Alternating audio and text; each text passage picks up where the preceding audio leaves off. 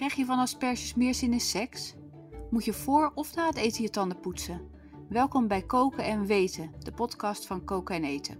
Deze podcast gaat over mythes en fabels in de wereld van eten en drinken. Met als vaste gast gezondheidsjournalist Tijn Elfrink.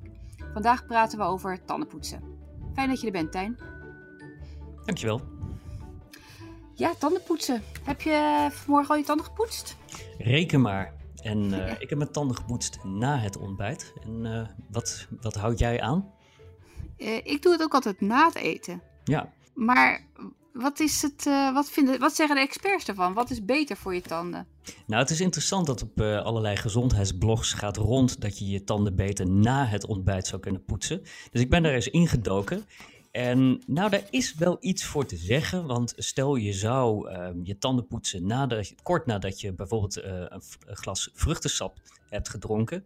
Dan zou het zuur uit die jus d'orange, of, of uit die vruchtensap, dat zou het glazuur van je tanden iets kunnen aan, uh, aantasten. Waardoor dat glazuur wat zachter wordt. Als je dan kort daarna dus je tanden poetst, dan zou je dat glazuur wat, wat kunnen aantasten, waardoor de kans op gaatjes wordt uh, vergroot.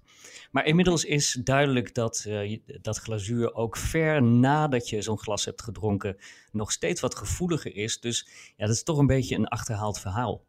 Ja, maar wat moet je dan doen? Want als je het ervoor doet, dan heb je dus eerst schone tanden en daarna weer zuur op je tanden.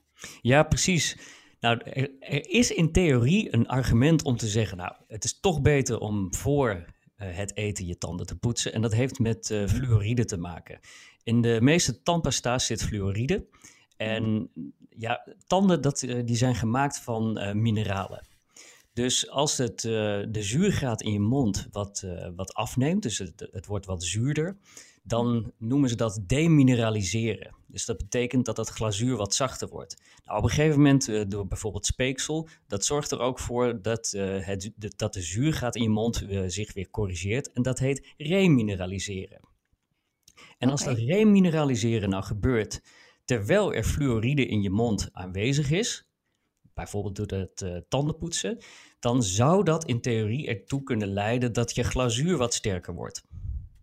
Oké, dus dan moet je het weer eigenlijk voor het eten doen.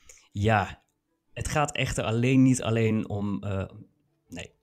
Het gaat alleen niet uitsluitend om directe zuren, dus bijvoorbeeld de zuur uit uh, vruchtensap, maar het gaat ook vooral om indirecte zuren. En indirecte zuren die ontstaan bijvoorbeeld door bacteriën in je mond, in tandplak, die suikers uit je voeding omzetten in zuren.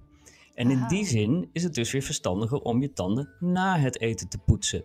Want als je je tanden poetst na het eten, dan poets je de etensresten weg en hebben die bacteriën dus geen kans om die suikers in je voeding om te zetten in zuren. En nou denk je misschien, ja, ik ontbijt helemaal niet met suikers. Nou, bijvoorbeeld melk bestaat toch uit 5%. Of, en toch melk bestaat bijvoorbeeld voor 5% uit suiker. Hmm.